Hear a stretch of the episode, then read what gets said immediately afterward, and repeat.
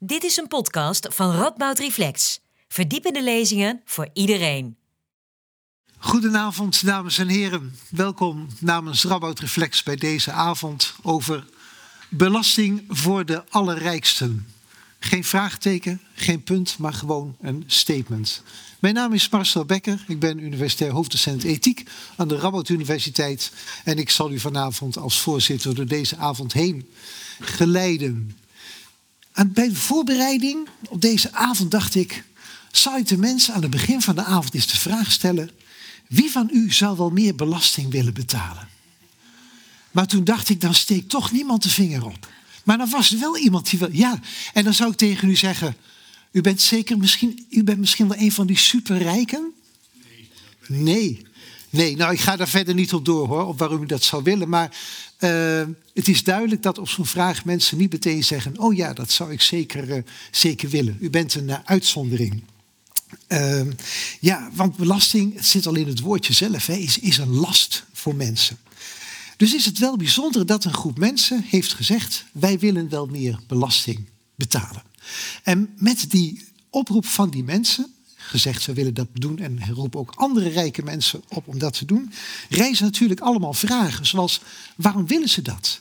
Zijn ze heel altruïstisch, heel goed voor de medemens of hebben ze er andere ideeën? Hebben ze andere redenen voor? En wat willen ze precies? Want er zijn zoveel soorten belasting en welke belasting willen ze dan meer betalen en welke misschien wel minder? En hoe effectief is het, die oproep? En zijn er misschien ook argumenten tegen hun pleidooi? Dat er misschien bezwaren tegen zijn, tegen hun initiatief. Bovendien, ze kunnen toch gewoon geld geven aan goede doelen. Waarom willen ze speciaal meer belasting betalen? Nou, op al die vragen en andere gaan we ons vanavond buigen. En we doen dat onder leiding van twee deskundigen. Ronald Tinneveld is hoogleraar rechtsfilosofie aan de Radboud Universiteit. En Diana van Hout is hoogleraar belastingrecht aan deze universiteit. Zij beiden spreken een twintigtal minuten en dan gaan we met elkaar en met u, met de zaal, in gesprek. Als eerste het woord aan Ronald Tinneveld, de rechtsfilosoof.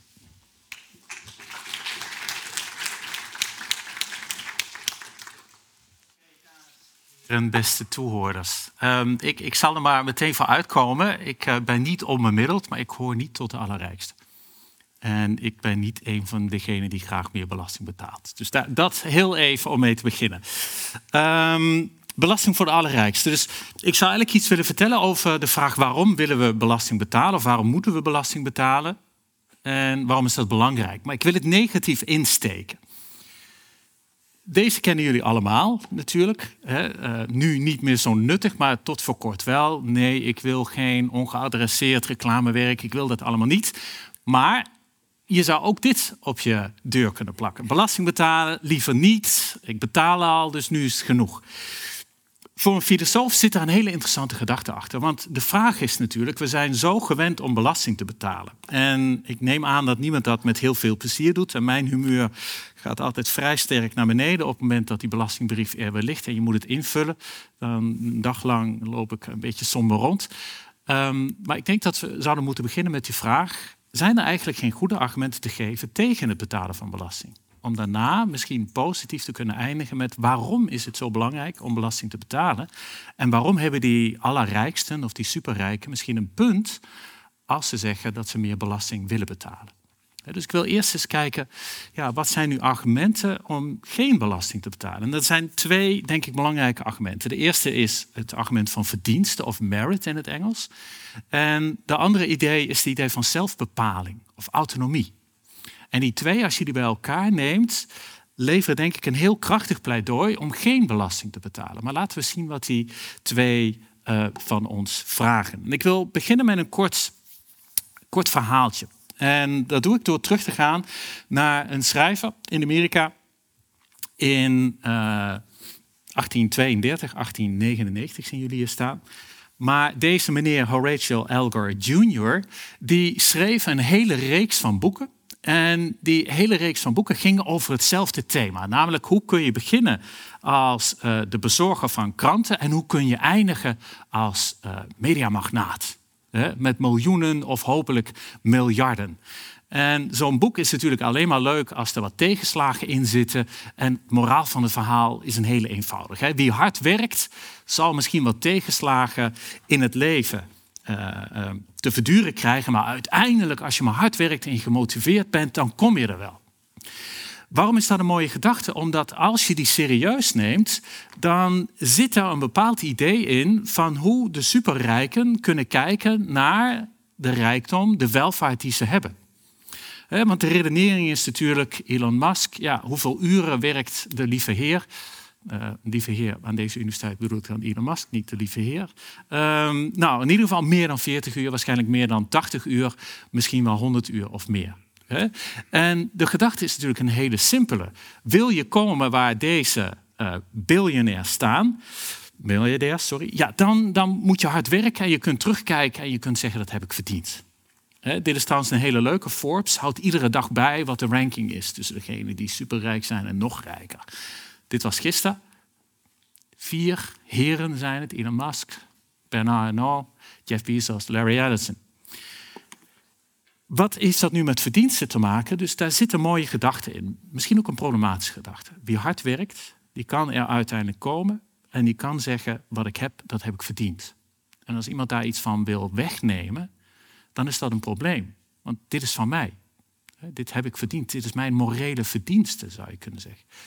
En daar zit een belangrijk argument in om te zeggen belasting betalen is problematisch, want wat ik heb verworven, heb ik met hard werk verworven.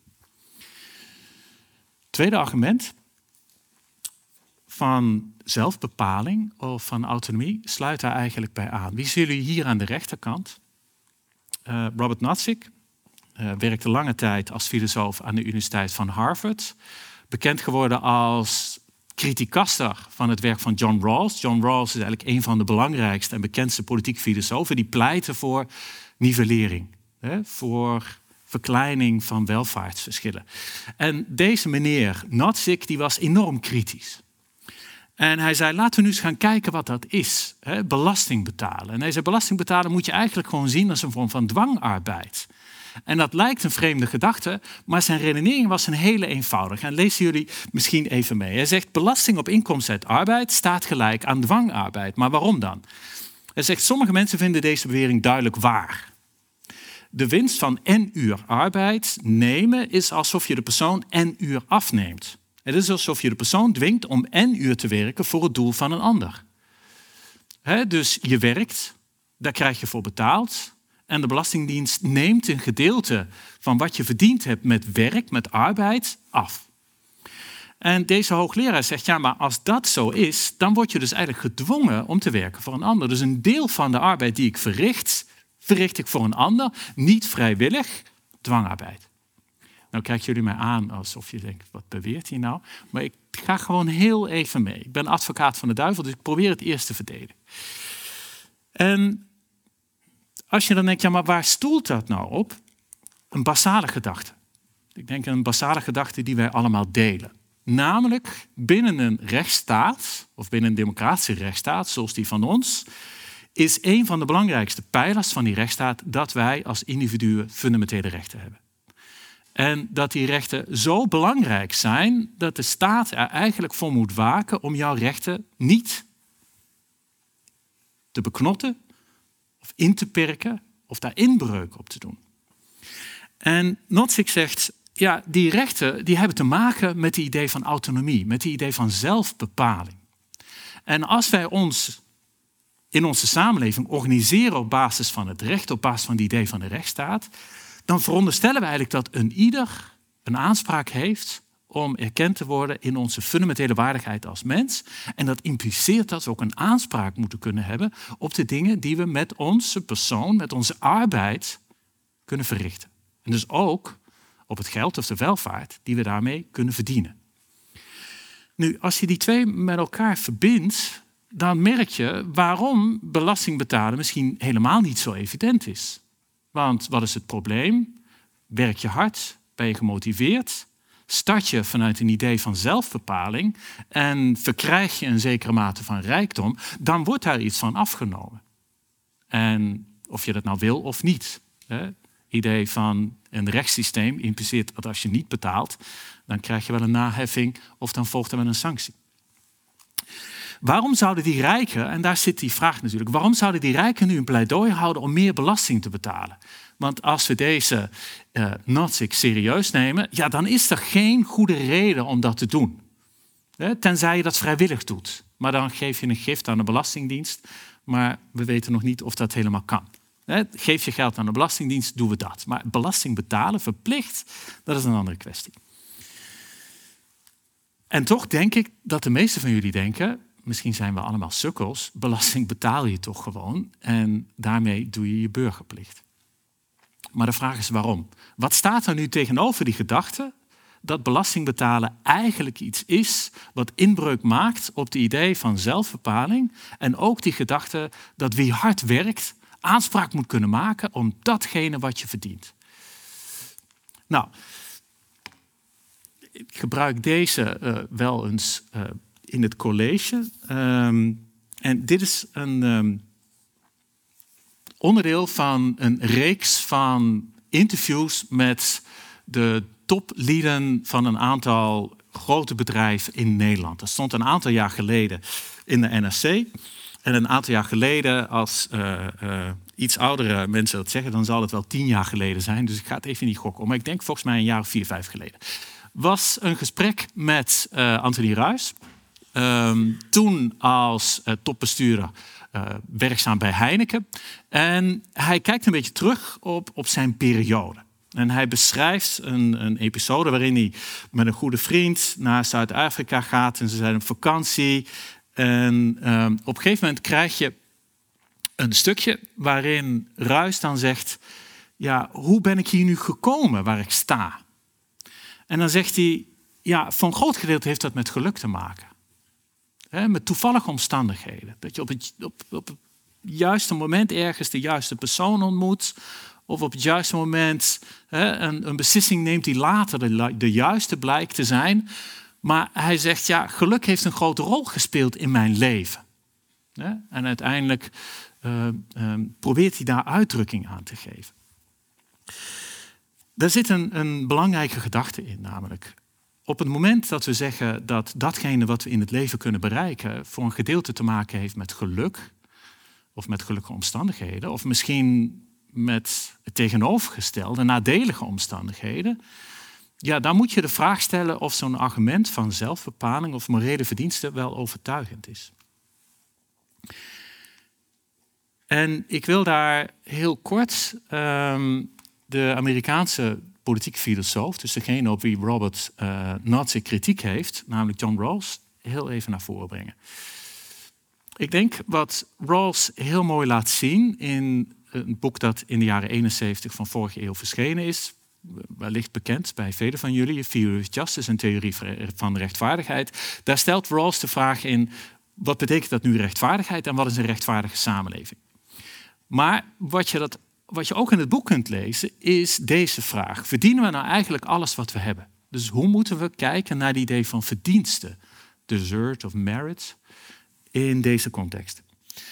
En Rawls die zegt, ja, op het moment dat je rijkdom vergaart, of op het moment dat je hoog inkomen hebt, of je hebt een positie van macht, of je hebt economisch gezien veel te zeggen in het land, dan is de vraag, ja, niet alleen waar heeft dat mee te maken, maar ook wat bepaalt dat en hoe kun je dat rechtvaardigen?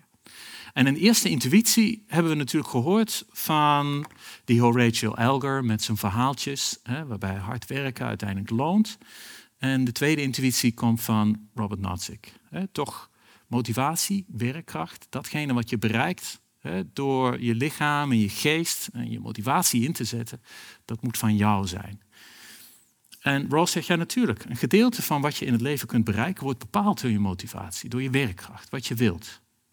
En dat moet ook een verschil kunnen maken. Dus als de ene besluit hard te werken en de ander niet, en er treedt een verschil op, dan zou Rawls zeggen dat is prima. Maar hij zegt, wat je ook moet realiseren, is dat de plaats die je in de samenleving inneemt, of je nou studeert, of dat je werkzaam bent, of je nu hoogleraar bent, of rechter, of je eh, werkt uh, voor Radboud Reflex, ehm, ergens heeft dat ook te maken met een stuk toeval. Moreel toeval, zou je kunnen zeggen. De talenten die je hebt, de vaardigheden die je hebt, ja, je wordt met bepaalde talenten geboren. Je wordt met bepaalde vaardigheden geboren. Heb je die gekozen? Nee. Kun je er iets aan veranderen? Nou, je kunt die talenten en die vaardigheden ontwikkelen. Maar stel nou dat je met minder talenten wordt geboren, of met talenten die in de samenleving waarin je leeft, ja, niet zo goed worden gewaardeerd, of financieel gewaardeerd. Dan merk je hoe de plaats die je in de samenleving inneemt, voor een belangrijk gedeelte te maken heeft met een kwestie van toeval. En niet alleen met een kwestie van toeval, maar ook met de manier waarop we de samenleving inrichten.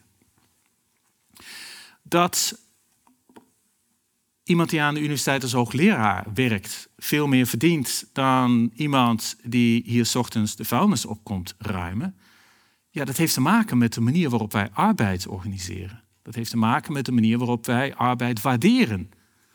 Dat heeft te maken met de instituties van onze samenleving. En als we dat niet goed vinden, dan moeten we dat veranderen. Maar dus wat je verdient, welke plaats je inneemt, heeft niet alleen te maken met toeval, maar ook met de instituties van onze samenleving. Onze economie, ons rechtssysteem, ons politieke systeem. Hoe gaan we om met die economische relaties? Die bepalen voor een stuk ook waar we een aanspraak op kunnen maken of waar niet, waar we uitkomen en waar niet. Voor sommigen pakt dat goed uit en voor anderen niet. En dus die vraag, verdienen we alles wat we hebben? Daarvan zal Rawls zeggen, ja, maar je kunt niet zeggen dat heb ik verdiend. Want een groot gedeelte heeft niets te maken met verdiensten. Het heeft te maken met het feit, kun je profiteren hè, van de omgeving waarin je zit? Ben je geboren met andere talenten? Of ben je geboren in een gezin hè, met wat meer financiële daadkracht? Of hebben je ouders een belangrijk netwerk of niet? Die instituties zijn belangrijk. Dan is natuurlijk de vraag dus, waarom dan wel belasting? Nou ja, ik denk dat we al op dat spoor uh, zitten. Dus waarom geen belasting is duidelijk. Verdiensten, zelfbepaling. Rawls laat zien dat het niet zo makkelijk is om te zeggen, dit is mijn verdienste. En dus als je een gedeelte van mijn rijkdom of vermogen wil afnemen, onder het kopje van belastingen, dan is dat het probleem. Dan zegt Rawls, ja, zo duidelijk is dat dus niet, want die verdienste is een kwestie ook ja, van waar je staat. Het is een kwestie van toeval, van instituties, hoe richt je dat in? Dus waarom dan wel belastingen betalen? Nou, de eerste belangrijke reden, die kennen jullie natuurlijk. Hè? Dus als die instituties voor een groot gedeelte ook bepalen welke kans je in het leven hebt. En als die instituties ook gebruikt kunnen worden om voor meerdere mensen een beter leven te garanderen, dan moeten we die ook kunnen betalen. Dus het eerste argument is natuurlijk een hele evidente. Ehm, publieke goederen kunnen we alleen maar betalen als we een systeem hebben van belastingen. Dus heel basaal. Het feit als ik straks naar huis rijd, dan is in ieder geval de eerste twee minuten uh, kunnen we zeggen dat uh, de straat uh, een stukje beton of een stukje asfalt kent.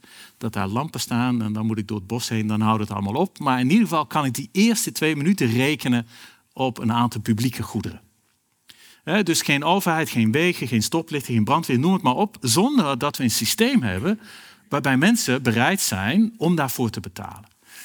Maar ik denk, daar zit ook een, een, een, belangrijk moreel argument in. Namelijk als we vinden dat die instituties waardevol zijn.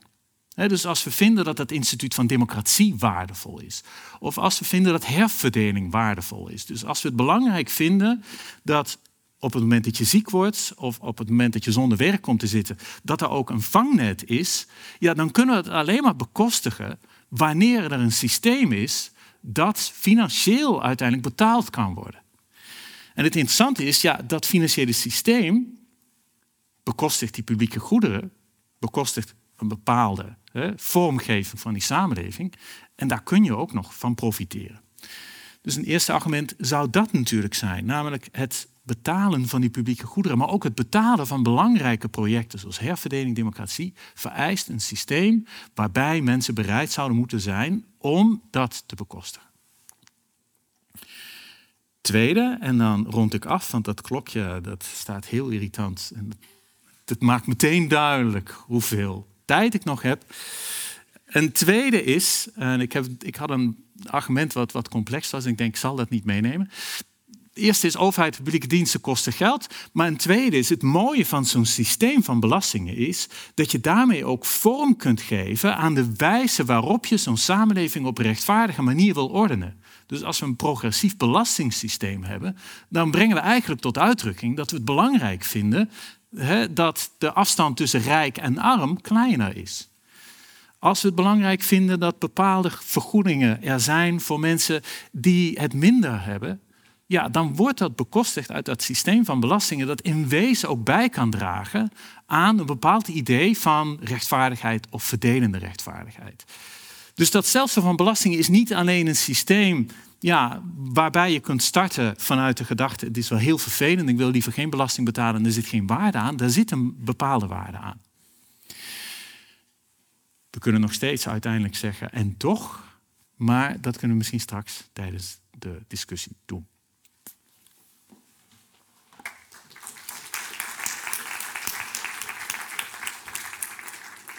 Dank u wel voor eh, de manier waarop u eerst advocaat van de duivel bent en tenslotte toch een mooi pleidooi voor belasting betalen hebt gehouden. Ik snap eigenlijk niet waarom u zo, waarom zo zagrijnig wordt als die blauwe envelop in de bus valt. Want ja, het is toch ergens goed voor wat we dan doen als we belastingen aan het betalen zijn.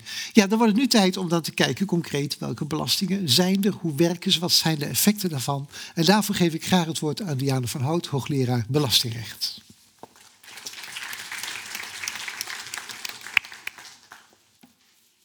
Ja, nou, ik voel me nou een beetje ook wel verplicht om te reageren op het eerste statement. Want hij zei, ja, ik uh, behoor niet tot de allerrijkste, maar uh, ik vind ook eigenlijk niet dat ik, of ik wil eigenlijk niet meer belasting betalen.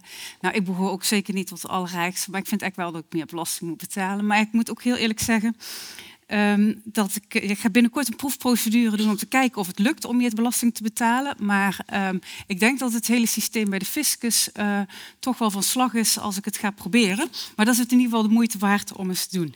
Um, ik ga het verhaal eigenlijk hele, vanuit een hele andere invalshoek benaderen. En ja, wat, uh, de aanleiding was eigenlijk een brief. En een brief van de allerrijkste, die wil eigenlijk meer belasting betalen. En um, ik moet heel eerlijk zeggen, ik ben helemaal niet zo onder de indruk van die brief. Want het gaat om 121 mensen die geloof ik getekend hebben. En het ziet ook vooral op het Amerikaanse systeem. Dus als ik zo eens kijk, dit zijn behoorlijk rijke mensen. Shakira en uh, U2, ABBA, Rolling Stones, Gérard Depardieu, Linda de Mol. Nou, dat zijn allemaal mensen die uh, of uh, veroordeeld of verdacht zijn van belastingfraude of in ieder geval agressieve tekstplanning. Dus ze wekken in ieder geval niet echt de indruk dat ze meer belasting willen betalen. Sterker nog, Um, het heeft er bijna alle schijn van dat ze juist heel veel doen om minder belasting te betalen. En er zitten wel wat gradaties in hoor. Uh, de Rolling Stones, ja, die steekt dan zo mooi zijn tong uit. Ik zeg ook altijd dat richting de fiscus, want er is zelfs een belastingconstructie benoemd naar de Rolling Stones, de Rolling Stones constructie, om royalties dus in laagbelaste landen, of ervoor te zorgen dat royalties in laagbelaste landen worden belast. En zij zijn ook om uh, fiscale redenen verhuisd. Hè. Dus ze wilden dus Britse belasting, wilden ze, on, ja, ze wilden minder belasting betalen. En ze zijn dus vanuit Engeland verhuisd naar Frankrijk. En deze meneer, die Gérard Depardieu, die maakt het helemaal bond. Want die is van Frankrijk naar België gegaan om fiscale redenen. En die is daarna ook zelfs naar Rusland verhuisd om fiscale redenen. En de bovenste, als u daar eens kijkt, dan ziet u Afrojack en Chesto en Linda de Mol. Die hadden een, eh, een belastingadviseur, belastingadviseur van de sterren. En die man die wist wel allerlei methoden waardoor je minder belasting uh, moest betalen. En uh, nu wordt hij, ik weet niet of het een beetje gevolgd heeft in de krant, hè, die Frank B. Die uh, wordt nu ook uitgeleverd naar Amerika, omdat hij verdacht wordt dat hij 100 miljoen aan belasting nog moet betalen daar. Dus, of in ieder geval, hij wordt ook verdacht van belastingfraude. Um, die zaak van Afrojack die is um, geseponeerd, maar die moet wel een boete betalen um, voor de fiscus. Die boetes lopen overigens heel erg op als u dus door de Belastingdienst wordt aangeslagen wegens het niet of onvoldoende betalen van belasting. Ik zeg ook altijd, het is de enige organisatie waar ik echt schrik van heb, is de Belastingdienst. Want zij kunnen boetes opleggen tot 300% van het uh, verschuldigde belasting. Dus dat is niet mals. En in het strafrecht dan, uh, dan kun je wel gevangenisstraf, maar is ook, zijn de boetes vele, vele malen lager. Het enige reden waarom dat die mensen in het strafrecht dus uh, belanden is omdat ze dus bekend zijn. Hè? Dus het heeft dan een soort precedentwerking de, om te laten zien dat je vooral niet te veel moet zollen met die belastingdienst. Um, ja, ik moet heel eerlijk zeggen, ja, U2, dus ook, uh, die heeft ook de Rolling Stones uh, constructie. Bono was ook heel erg van slag dat hij in verband werd gebracht dat hij te weinig belasting zou betalen. Want die man die wil nou juist hè, laten zien dat hij zo meegaand is met met juist de zwakkere van de maatschappij. En uitgerekend hij heeft gebruik ook gemaakt van die Rolling Stones constructie. Ik, ik ben zelf niet de adviseur geweest of zo, dus ik, heb het allemaal moeten reconstrueren. Maar uh, u zult het misschien wel met me eens zijn dat het in ieder geval niet de indruk wekt dat deze mensen meer uh, belasting willen betalen. En ik denk heel eerlijk gezegd dat ze daar misschien ook niet altijd even bewust van zijn dat ze bezig zijn uh, om um, ja, de staat te benadelen en uh, ik denk gewoon dat daar een adviseur is geweest en die heeft gewoon gezegd, nou als u dit of dit doet, dan moet u, hoeft u maar 5 miljoen minder belasting te betalen. als ik tegen u zeg, u wil bijvoorbeeld 10.000 euro aan uw eh, kind uh, schenken en ik zeg tegen u, nou als u in december 5.000 doet met kerstmis en u doet nog eens 5.000 in januari, dan hoeft u 500 euro minder belasting te betalen. Dan zult u daar misschien wel voor openstaan. Nou, ik verwacht dat dat hier ook zo gebeurt. Dus, dus um, nou ja, of we dat rijken meer belastingen willen betalen, ik moet altijd maar eerst zien en dan geloven. Hoe zit dat nou in het belastingrecht? Want ik heb al gezegd, ja, ik ben geen rechtsfilosoof. Wij kijken vooral economisch. Het is een multidisciplinaire wetenschap. Dus wij hebben economie en rechten tezamen. En als je kijkt naar het belastingssysteem, wij vinden vanuit het belastingrecht dat de zwaarste schouders die dragen de zwaarste lasten. Dan zou je dus kunnen zeggen, dus we hebben ook een progressief tarief in box 1 in de inkomstenbelasting. Maar je zou kunnen zeggen, stel je voor dat we een proportioneel tarief hebben, hè, dus 50 procent, dan betalen rijken altijd nog meer belasting dan uh, armen. Want als je 50 procent hebt van een ton, betaal je 50.000. En als je uh, eh, 20.000 maar verdient en je betaalt dan 50 procent, dan heb je 10.000. Dus dan betaal je in absolute aantallen betaal je dan minder belasting als je minder inkomen hebt. Maar wij vinden in belastingrecht belangrijk dat we een progressief tarief hebben. Dus dat de zwaarste uh, schouders de zwaarste lasten dragen. En dat komt omdat wij gestoeld zijn ook op economische principes. En u kent het misschien wel van de middelbare school, de eerste wet van Gossen. Dat is afnemend grensnut. Dus als u bijvoorbeeld geen auto heeft en u heeft, krijgt één auto erbij, dan is dat een misschien een substantiële verbetering. Hè. U hoeft niet meer met het openbaar vervoer. Maar als u vijf auto's zeker van die mooie, prachtige Ferraris, die Afrojack, ik weet niet, heeft hele mooie auto's, heeft hij. Dan is zo'n zesde of zo'n zevende of zo'n achtste auto is, ja, levert minder toegevoegde waarde. Dus wij vinden dat je progressief tarief moet heffen. Het enige is, is dat we ook weten uit empirische gegevens dat als je die belastingdruk veel te veel gaat opvoeren, dat dat onder andere zorgt dus voor die migratie. Dus dat die mensen gaan verhuizen. En ik kan u vertellen, u denkt van ja, maar uh, verhuizen, dat is nogal wat. Voor u en mij is dat misschien nogal wat.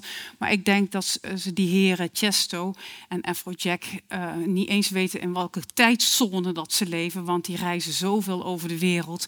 En die hebben misschien al een huis in Ibiza. En ik weet niet of u het weet, kan, we kunnen daar als u dit leuk vindt, kunnen we er nog een keer een thema aan wijden, maar dan kan ik u vertellen hoe dat fiscaal zit.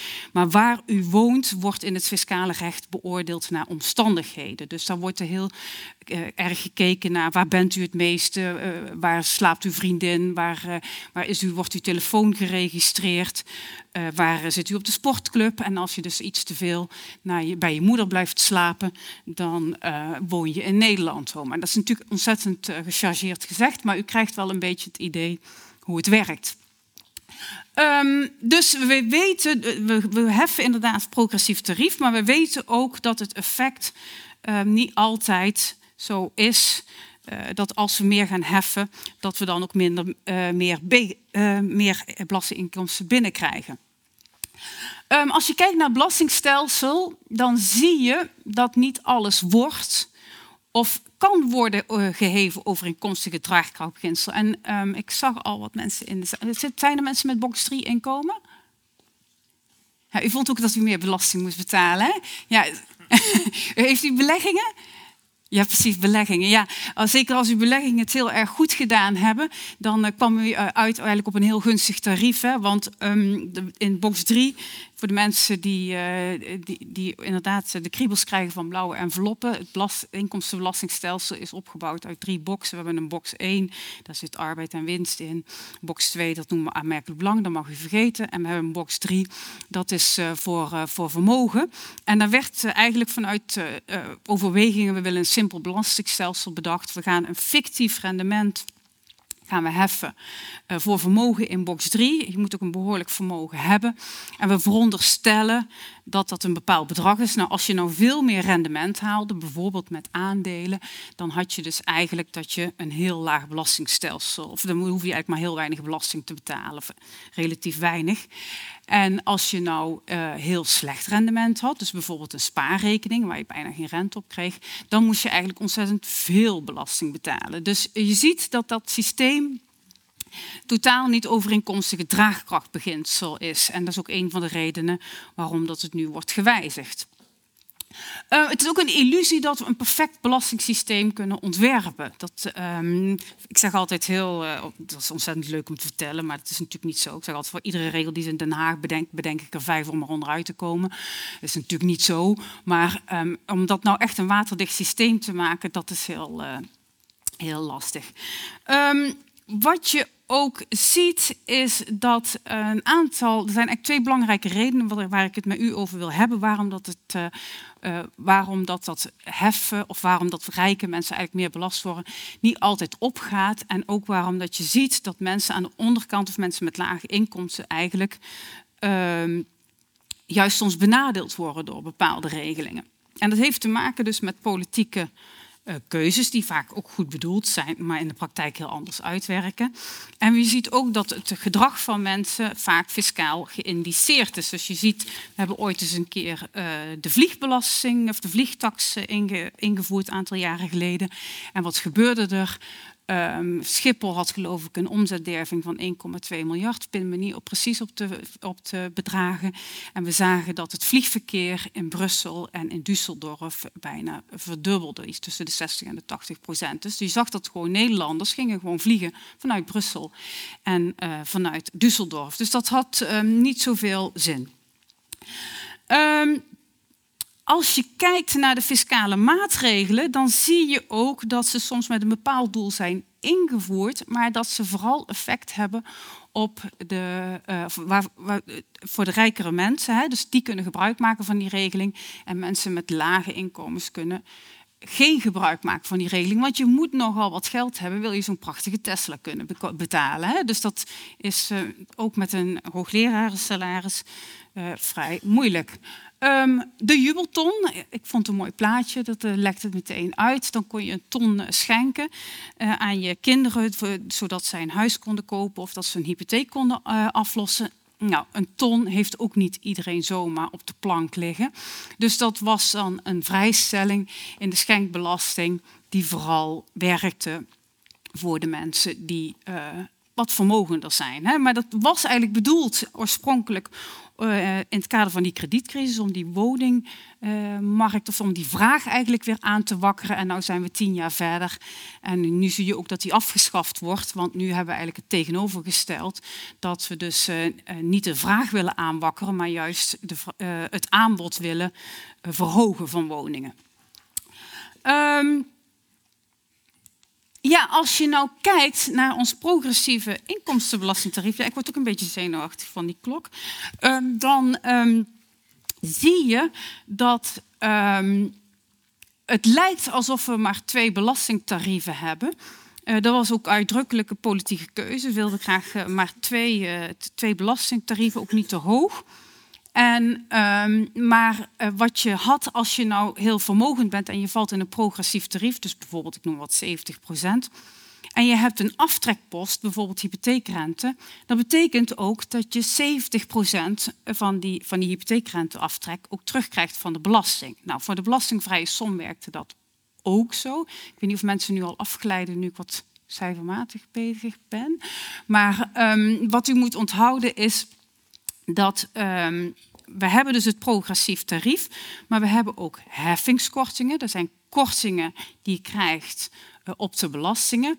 En je ziet dat die verschillende kortingen die we hebben, die lopen af. Dus hoe hoger je inkomen, hoe lager de korting. Nou, voor de snelle denkers onder ons, die hebben het misschien al wel door. Dus je kunt zeggen of mensen betalen meer belasting. Maar wat hebben we hier gedaan? We zeggen nee, we betalen niet meer belasting. U krijgt minder korting. Maar per saldo is hetzelfde natuurlijk. Hè? Dus dat hebben we eigenlijk politiek gedaan. En um, het enige is, is dat die percentages die lopen niet één op één gelijk. En um, hier zie je, een, het zijn twee modellen van twee jonge, zeer slimme mannen. Oh, de namen vallen net weg, nou dat is echt jammer. Maar die hebben deze modellen ontworpen eigenlijk om het heel snel uit te leggen. Hier ziet u al het gecorrigeerde belastingtarief. Het zijn hele eenvoudige modellen, er zit nog lang niet alles in. Maar dan zie je eigenlijk al dat die fluctueert bij bepaalde inkomsten. Dus je ziet, hij loopt heel snel op qua percentage. En je ziet dan 49, dan wordt hij 56 en dan wordt hij 49. Dan moet u nog eigenlijk naar het andere modelletje kijken. En dan ziet u de marginale druk, dat is het geld wat u eigenlijk niet overhoudt. Um, dus dat betekent dat als u 1000 euro, uh, dus hoe hoger eigenlijk het percentage, hoe minder u overhoudt van extra, het extra geld wat u krijgt. En dan zie je eigenlijk bij iedere schaal, dus hij loopt qua 1000 euro loopt hij op, zie je dat die percentages heel erg fluctueren. En dat heeft te maken met de cumulatie van die regelingen. En um, dus wat, ik, wat ik zelf dus ook in mijn onderzoek veel doe en wat ik ook heel erg schrijnend vind, is doordat je eigenlijk zo weinig grip hebt, zeker bij de lagere inkomsten op je, uh, op je financiën, uh, durf je ook vaak niet altijd alles te doen. En het is natuurlijk ook niet echt een heel evenwichtig beeld. En dit is alleen nog maar als je kijkt naar de belastingtarieven in combinatie met de heffingskortingen dus um, wat we hebben, we hebben eh, in Nederland heel veel verschillende regelingen. Daar is veel aan gesleuteld. Uh, maar het effect is eigenlijk dat die uh, belastingdruk of die, en die marginale druk um, heel erg turbulent is geworden. En dat je, ik weet niet of mensen Lubach hebben gezien, die liet dat ook zien met bij dat Nubut, dat je eigenlijk um, niet altijd heel goed in de gaten hebt wat, wat, wat je nog overhoudt als je nog extra gaat werken. Nou, dat is nog in de overtreffende trap als we niet alleen kijken naar de belastingregeling of naar de inkomstenbelasting, want dit was alleen nog maar een voorbeeldje van box 1 in de inkomstenbelasting, maar als je alle regelingen, dus alle inkomensregelingen zoals we die in Nederland kennen, dan zien we dat er ontzettend veel beleid is gevoerd op die lage inkomsten, om ervoor te zorgen dat die niet in de armoede zouden. Maar je ziet een heel veel cumulatie van regelingen. Dus dit, dit vond ik wel een mooie van de gemeente Trimmelen. Ik heb het gewoon van internet gepakt, er zat verder geen gedachte over. Maar dan zie je dat je heel veel verschillende regelingen hebt. En als je uh, die regelingen bij elkaar brengt bij de burger, want ja, die maakt aanspraak op die regelingen, dan zie je dat soms regelingen zelfs tegen elkaar kunnen inwerken. En ik weet niet of u uh, de media goed volgt, maar er was een tijdje geleden, was er ook op het nieuws, um, er waren mensen die, hadden onder, die zaten onder de bijstandsnorm, die kregen compensatie van de gemeente om daar boven te komen. Het gevolg daarvan was dat hun toeslagen vervielen en zij weer onder de bijstandsnorm doken. En dat was echt een soort visieuze cirkel. Nou, we zien dat aan de onderkant van de maas. De onderkant, dat klinkt heel onaardig, maar de, dus de laagste inkomens. Maar we zien ook een dergelijk effect bij de hogere inkomens. Dus we zien, ik ben nu toevallig met een onderzoeksproject bezig, waarin je ziet dat als je de AOW, de WLZ, de Wet Langdurige Zorg, Ehm, de inkomstenbelasting, het WMO en formeel belastingrecht bij elkaar combineert, dat juist ziet dat mensen die een grote woning hebben, dus uh, dat die en, en, en, uh, en, en, bijvoorbeeld een partner die geen inkomen heeft, dat die eigenlijk relatief een lage eigen bijdrage moet betalen voor een verzorgingstehuis. Hè. Dus dan zien we eigenlijk dat bepaalde categorieën mensen weer onevenredig eigenlijk profiteren van bepaalde regelingen. Dus we zien de cumulatie van de onderkant um, die tegen elkaar kunnen inwerken. En we zien uh, ook mensen die aan de bovenkant die kunnen profiteren daarvan. Ja, waarom heffen we eigenlijk niet beter naar draagkracht? Ja, u moet zich uh, beseffen dat um, u ook kiest voor wat voor belastingpolitiek we gaan. Um, op 22 november moet u weer stemmen. En um, dan is natuurlijk altijd een van de dingen, hoe gaan we dat belastingstelsel invoeren? Wat voor progressief tarief? Dus u bent zelf, heeft ook wel voor een deel in de hand um, welke belastingpolitiek wordt bedreven. Wat je ook ziet, en dat wordt wel eens vergeten, is dat bepaalde dingen um, niet populair zijn om aan te morrelen. En een van de politieke moeilijke punten is de koopwoning, de eigen woning. En dat is vermogen van, 300, van 973 miljard, um, maar wordt eigenlijk relatief niet of nauwelijks belast. En, um, maar de eerste beste politicus die zegt van we moeten die, koop, of die koopwoning of die eigen woning moeten we naar box 3, dan levert dat uh, voor de schatkist wel zo'n dikke 11 tot 12 miljard op. Maar het is ook meteen het einde van je politieke carrière waarschijnlijk. Um, de kiezersgroep, moet u ook vergeten, zijn vaak de middeninkomens. Dus daar zit de grootste categorie mensen. Dus je ziet dat dat inkomensbeleid is eigenlijk loopt dat iets te ver door. En dat heeft alles mee te maken dat die kiezersgroep vooral in die middeninkomens zit. Um, wat we ook natuurlijk mee te maken hebben is maatschappelijke ontwikkelingen.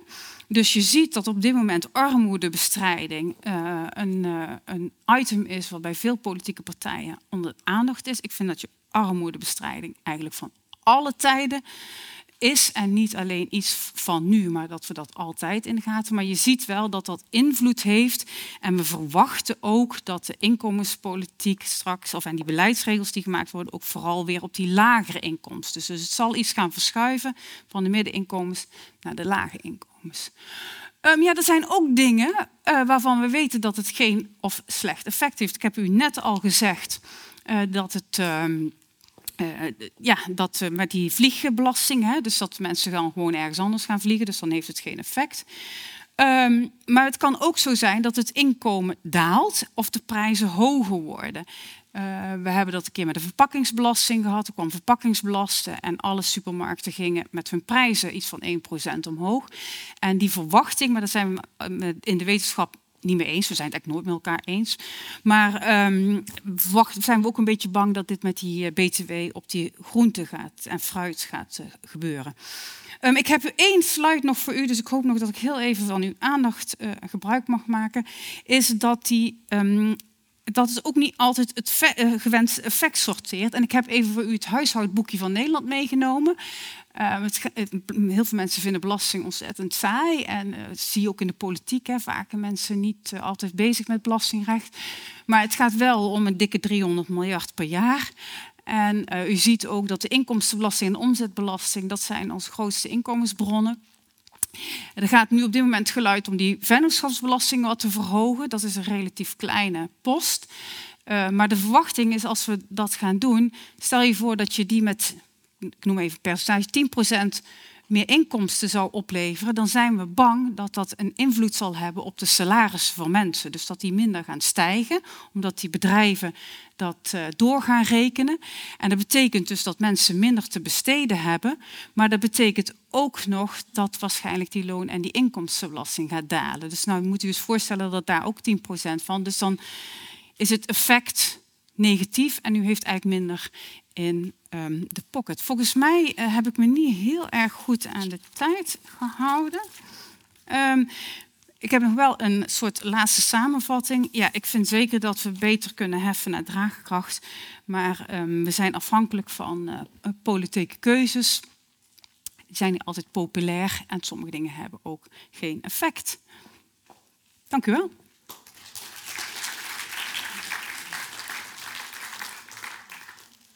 Dank u wel voor deze inleiding in het woud van de belasting. Ik, ik word toch, nou, ik, toch een beetje zagrijnig, denk ik.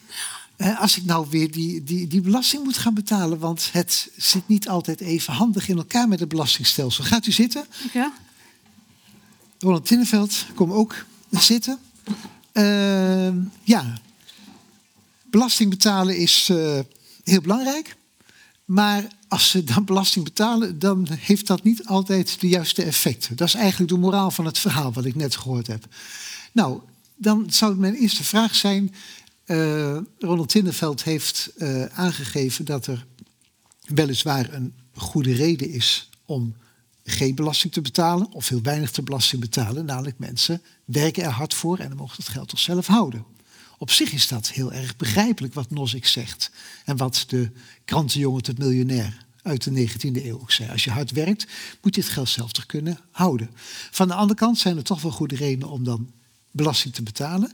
Kunnen we ons belastingstelsel, zou ik aan u beiden willen vragen, niet meer naar die morele intuïties inrichten? Dat de mensen die hard werken, dat die ook minder belasting hoeven te betalen. Maar dat mensen die bijvoorbeeld geluk hebben, die gewoon mazzel hebben, dat die dan juist heel veel belasting betalen. Dan hebben we een belastingstelsel, dan gaat u een belasting ontwerpen wat tegemoet komt aan de morele intuïties die u, die u vertelt. Zou dat kunnen?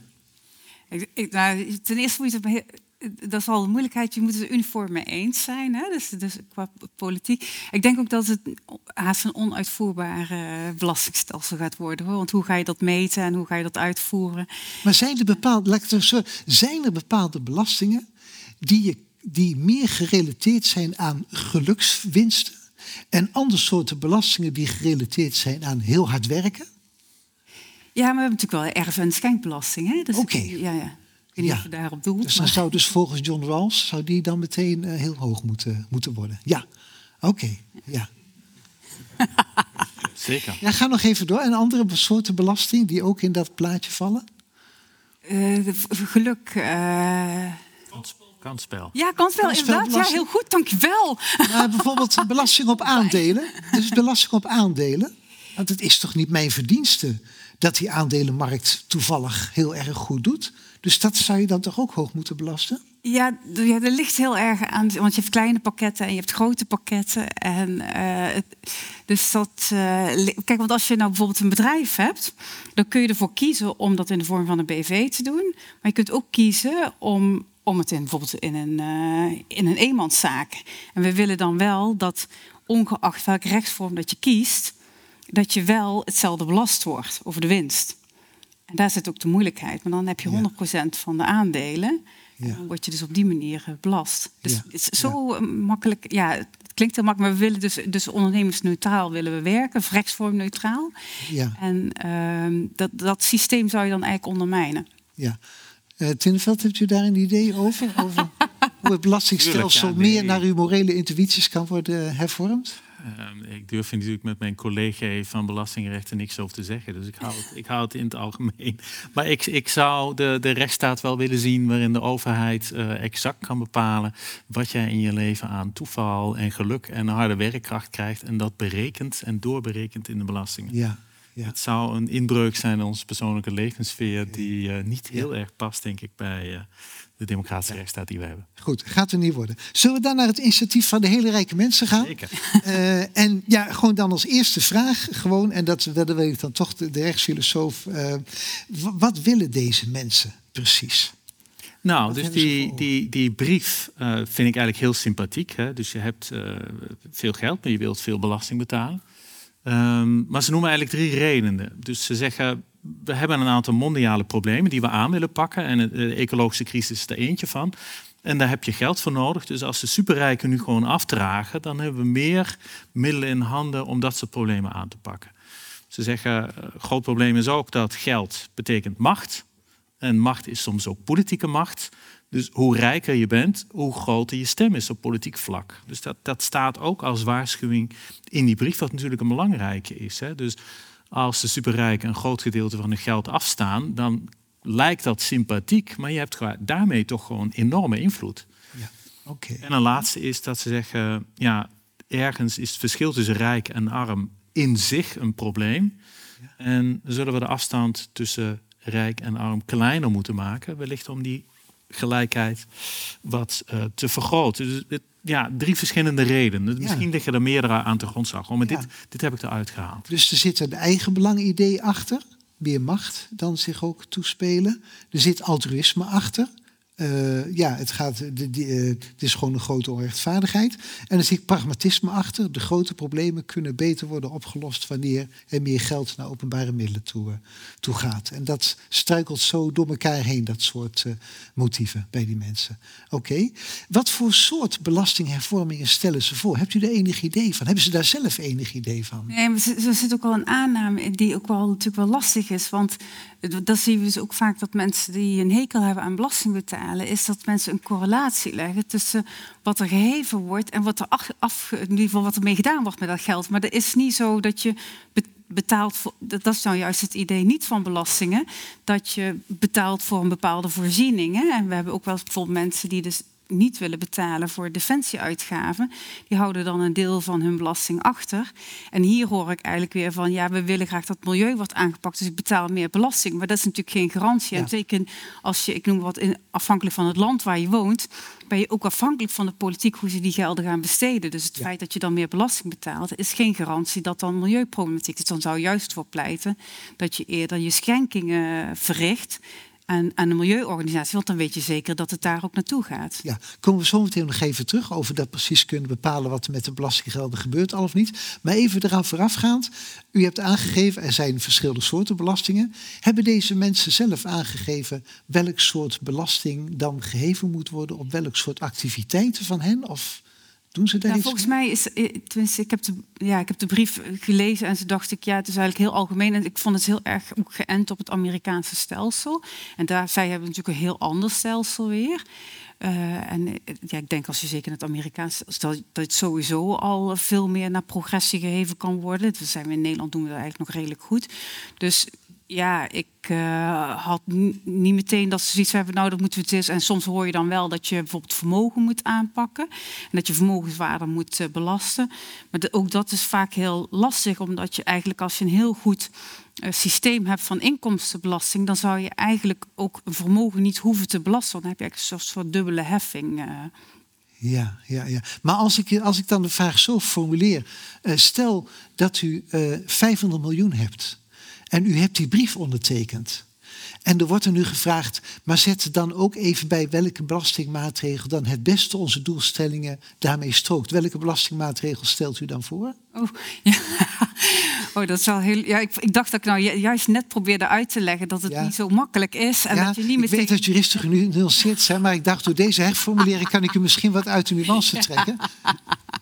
Nee, dat, dat, is niet zo makkelijk, want we zijn, wat, wat heel lastig is, we zijn steeds aan het in kaart brengen van wat zijn nou de effecten en ook met, bijvoorbeeld met die migratie. Ja, die, wij krijgen iedere keer weer nieuwe data en nieuwe gegevens van hoe dingen uitpakken. Dus het is soms ook heel lastig om te zeggen, nou, dit moet je nou aanpakken en dit niet. Alleen, kijk, als je vaak iets gaat wijzigen in een stelsel. Ik, ik ben sowieso wel van overtuigd dat we, een heel, ja, dat we wel veel fundamenteler over belastingen moeten gaan nadenken. En ik heb ook tegen politiek, uh, tegen de politiek gezegd van ja, ik, ik hoef eigenlijk maar een aantal dingen op hoofdlijnen te hebben. En geef, maak dan ook gebruik van de wetenschap. Dat wij met jullie meedenken hoe je dat nou goed zou kunnen vormgeven. Maar er wordt veel te veel op die detailregelingen ja, geënt. En, en veel te veel op die detailregeling ook, ook dingen aangepast, waardoor het hele fundament van het belastingstelsel eigenlijk aan gort gaat. En daar zitten eigenlijk op dit moment eigenlijk veel grotere problemen. Dat we veel, we, we, moeten zonder meer naar een veel eenvoudiger stelsel. Want uh, ten eerste, zelfs professionals komen er eigenlijk niet meer uit hoe ingewikkeld dat het is. Nou, dat is een zeer zorg, zorgelijk uh, signaal. Ik geloof dat ook de Zuidaskantoren een paar jaar geleden ook in de krant laten zetten. Van zelfs wij komen er niet meer uit. Dus dat is heel belangrijk.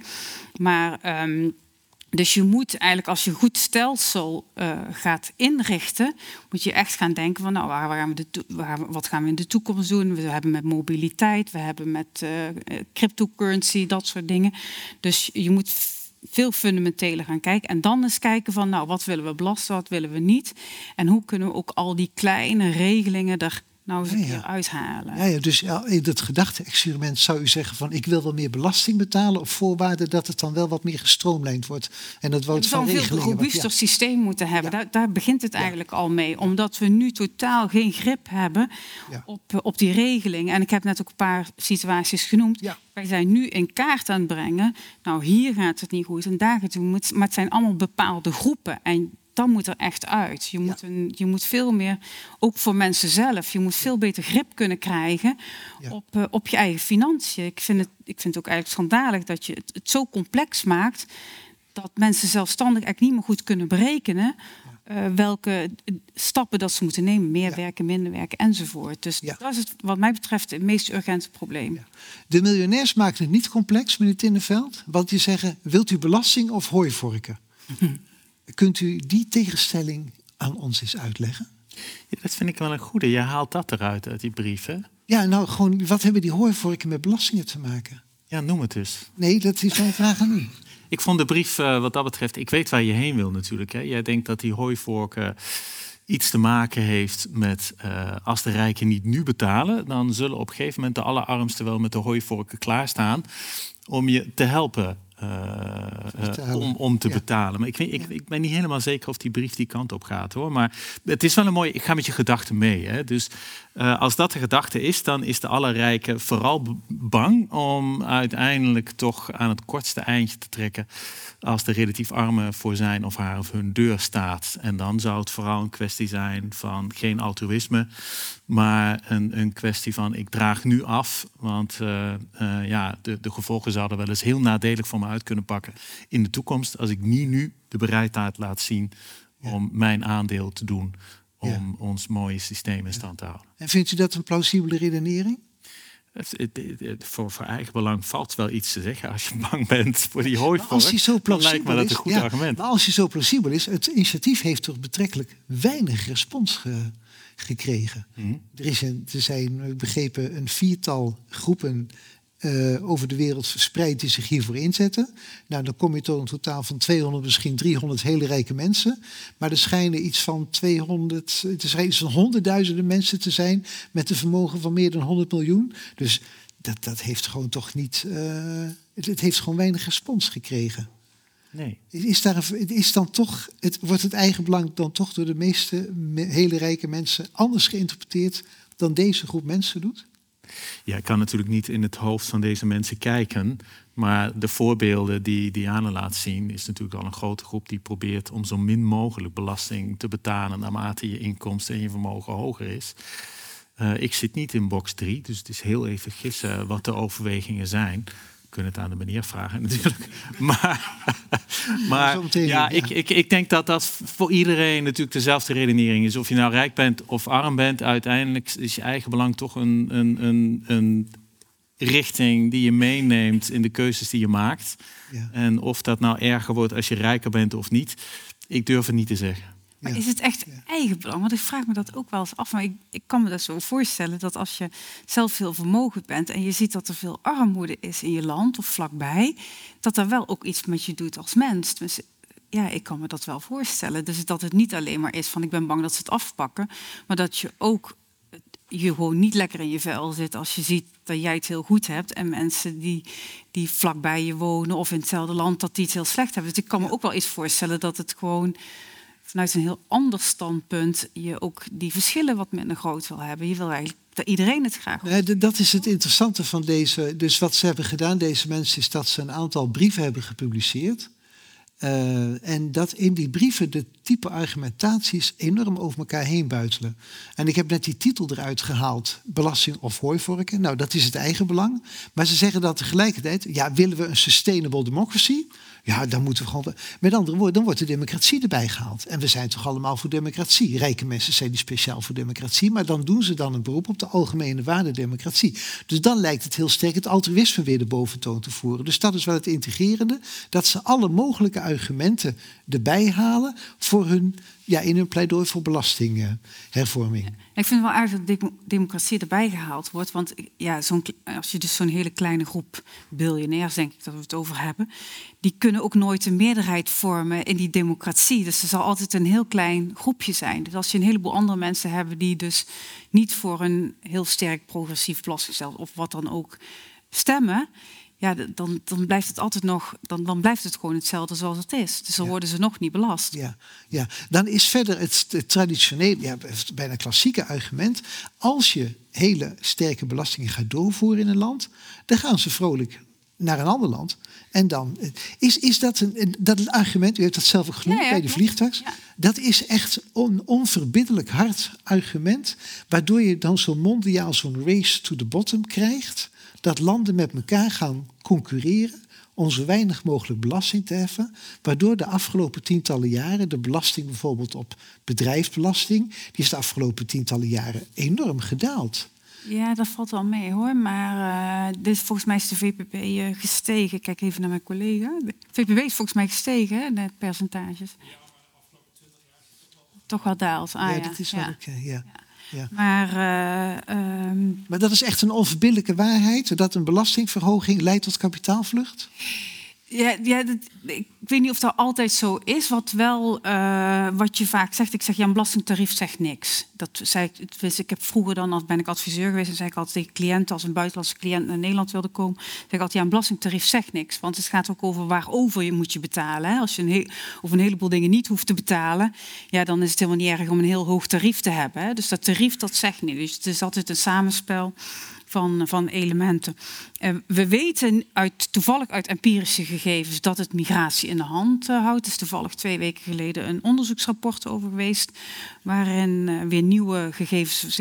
Maar ik kan niet zeggen van nou, als het gaat, gaat iedereen massaal weg. Dat, niet, maar, en je ziet ook dat voor sommige mensen. En daarom is dat, dat gedrag is ook soms ongrijpbaar en ook moeilijk, want. Eh, je weet niet hoeveel mensen, in wat voor omstandigheden zit je. Dus, eh, maar het is wel een factor waarvan we weten dat eh, dat, dat van invloed is om weg te trekken. Ja. Maar hoe, we kunnen daar niet precies, en we kunnen inderdaad ook niet altijd in de hoofden van mensen kijken. Kijk, zo'n, als je dus een baan hebt inderdaad waar je toch al over de hele wereld reist, dan is het verplaatsen van een, een woonplaats is veel makkelijker als dat jij hier alles hebt. Ja, dus dat ligt, hangt van heel veel omstandigheden af. Ja, ja. Meneer Tinneveld, u eindigde met, u, met een pleidooi voor belastingen. Ja, de eerste idee is toch, eh, als die rijke mensen nu zo graag willen dat geld naar algemene goederen gaan, laat ze dan ook heel concreet dat geld als filantropen schenken aan die goede doelen. Wat is er nou precies voor reden dat belasting betalen beter is dan filantropie? Ja, dat vind ik een goede. Kijk, de, de, de vraag is natuurlijk binnen een samenleving... hoe willen we die samenleving inrichten? En waar willen we dat we als samenleving bijstaan? Of wat vinden we belangrijk? En we hebben een democratisch systeem waarbij we kiezen voor vertegenwoordigers... die met elkaar, en wij kiezen daarvoor... eh, tot een overeenstemming komen over hoe richten we die samenleving in... en waar eh, helpen we een handje en waar helpen we misschien nog meer... Ehm, op het moment dat de superrijken natuurlijk een enorm vermogen afstaan eh, om weet ik veel, in te zetten op malariapillen of, of in te zetten op, op muskietennetten of wat dan ook, dan beïnvloed je natuurlijk ook gewoon hoe samenlevingen functioneren. En je hebt een politieke stem, je hebt een politieke macht. En ik denk dat we daar heel kritisch naar kunnen kijken. Dus deze rijke mensen die echt voor taxes, echt voor belastingen pleiten, die hebben dus een groot vertrouwen in de democratie om die belastingen dan ook goed te besteden. En Bill Gates, die aan een fonds geeft, en Jeff Bezos, die aan een eh aardbevingsslachtoffers geeft, heeft dus eigenlijk veel minder vertrouwen in de democratie. Die denkt van, ik weet zelf echt wel beter waar, waar de nood is, waar ik wat kan doen. Is dat het, is dat je, trekt tegenstelling? wel eh, iets eh, hè, in, het, in, het, in het extreme. Hè. Het een impliceert niet het andere. Nee, maar het basisidee. Het, is Ja, het basisidee zou natuurlijk, als ik met jou meegaan, wel kunnen zijn dat als je het liever je geld geeft aan een, een stichting, hè, zodat je zelf het doel kunt kiezen waar je geld aan afstaat, dat je misschien wat minder vertrouwen hebt in het feit dat het geld dat je geeft aan de Belastingdienst ook goed terecht gaat komen. Ja. Ja. Ja, en ja. daar valt soms wel wat voor te zeggen. Ja. Ziet u dat ook, het verschil tussen filantropie aan de ene kant en belastingen betalen aan de andere kant? En het vertrouwen in de overheid wat bij belasting betalen zit? Ja, dat, dat, zie ik wel. het- ja, er zit, er zit wel een, er zit natuurlijk wel een relatie. eh, hè? Dus, en het is ook wel mooi, hè? want het zijn onze volksvertegenwoordigers. Hè? Dus we kiezen met z'n allen dat we het op die manier doen. Dus het is zeker een, eh, zeker een vertrouwen. En het enige is, als je heel gericht wil geven, dan, dan zul je het inderdaad, dan zul je het gewoon moeten schenken. Ja. Ja. Ehm, ehm, maar ehm, het- de gedachte die ik, die ik ook wel kreeg is dat deze mensen zeggen niet ik ga meer belasting betalen, maar die roepen andere mensen op om meer belastingen te betalen. En toen dacht ik, stel je voor dat bekend wordt dat jij als enige meer belasting gaat betalen. Uh, dat is wel raar. Maar als er nou andere mensen zijn die je ook bereid door meer belasting te betalen, dan ben je wat minder raar. Dus dat ze ook proberen om een community te vormen van mensen die dan ook met hun meegaat in dat, in dat initiatief. Dus zodat ze wat minder excentriek zijn. Ja, ik, ik vind het heel eerlijk gezegd een beetje een zwakte bot om op te roepen om meer te heffen. Ja, ik vind het. Uh, ik, ik, zou het niet zo snel plaatsen in het kader van raar. Van we doen meer. Ik, uh, en je zou anderzijds zou je ook nog kunnen zeggen. Um, dat ze daarmee misschien wel een beweging, hè, dus dat ze meer mensen willen oproepen van kijk nou eens mee kritisch naar dat belastingstelsel. Dat is belangrijk. We vinden het ook belangrijk dat, uh, dat we meer betalen. Dus dus er kunnen verschillende beweegredenen achter zitten. En je zou dus enerzijds kunnen zeggen van ja, het is ook wel makkelijk van ja, jullie moeten het maar oplossen. Anderzijds zou je ook kunnen zeggen, ja, misschien willen ze juist andere mensen inspireren om ook mee te doen. En uh, dus ik, ja, ik weet het niet wat, uh, wat de achterliggende gedachte is. Nee, goed. Ja, we dat er inderdaad een heel complex van gedachten inderdaad ook, uh, daar ook achter zit. We zijn uh, aan het eind gekomen van, van de avond. U mag de vraag zometeen met de borrel stellen in het cultuurcafé aan de, aan de beide sprekers. we hebben geconstateerd vanavond dat er goede reden om belasting te betalen. Maar dat het vervolgens dan niet altijd in belastingland even toegankelijk en even vloeiend geregeld is.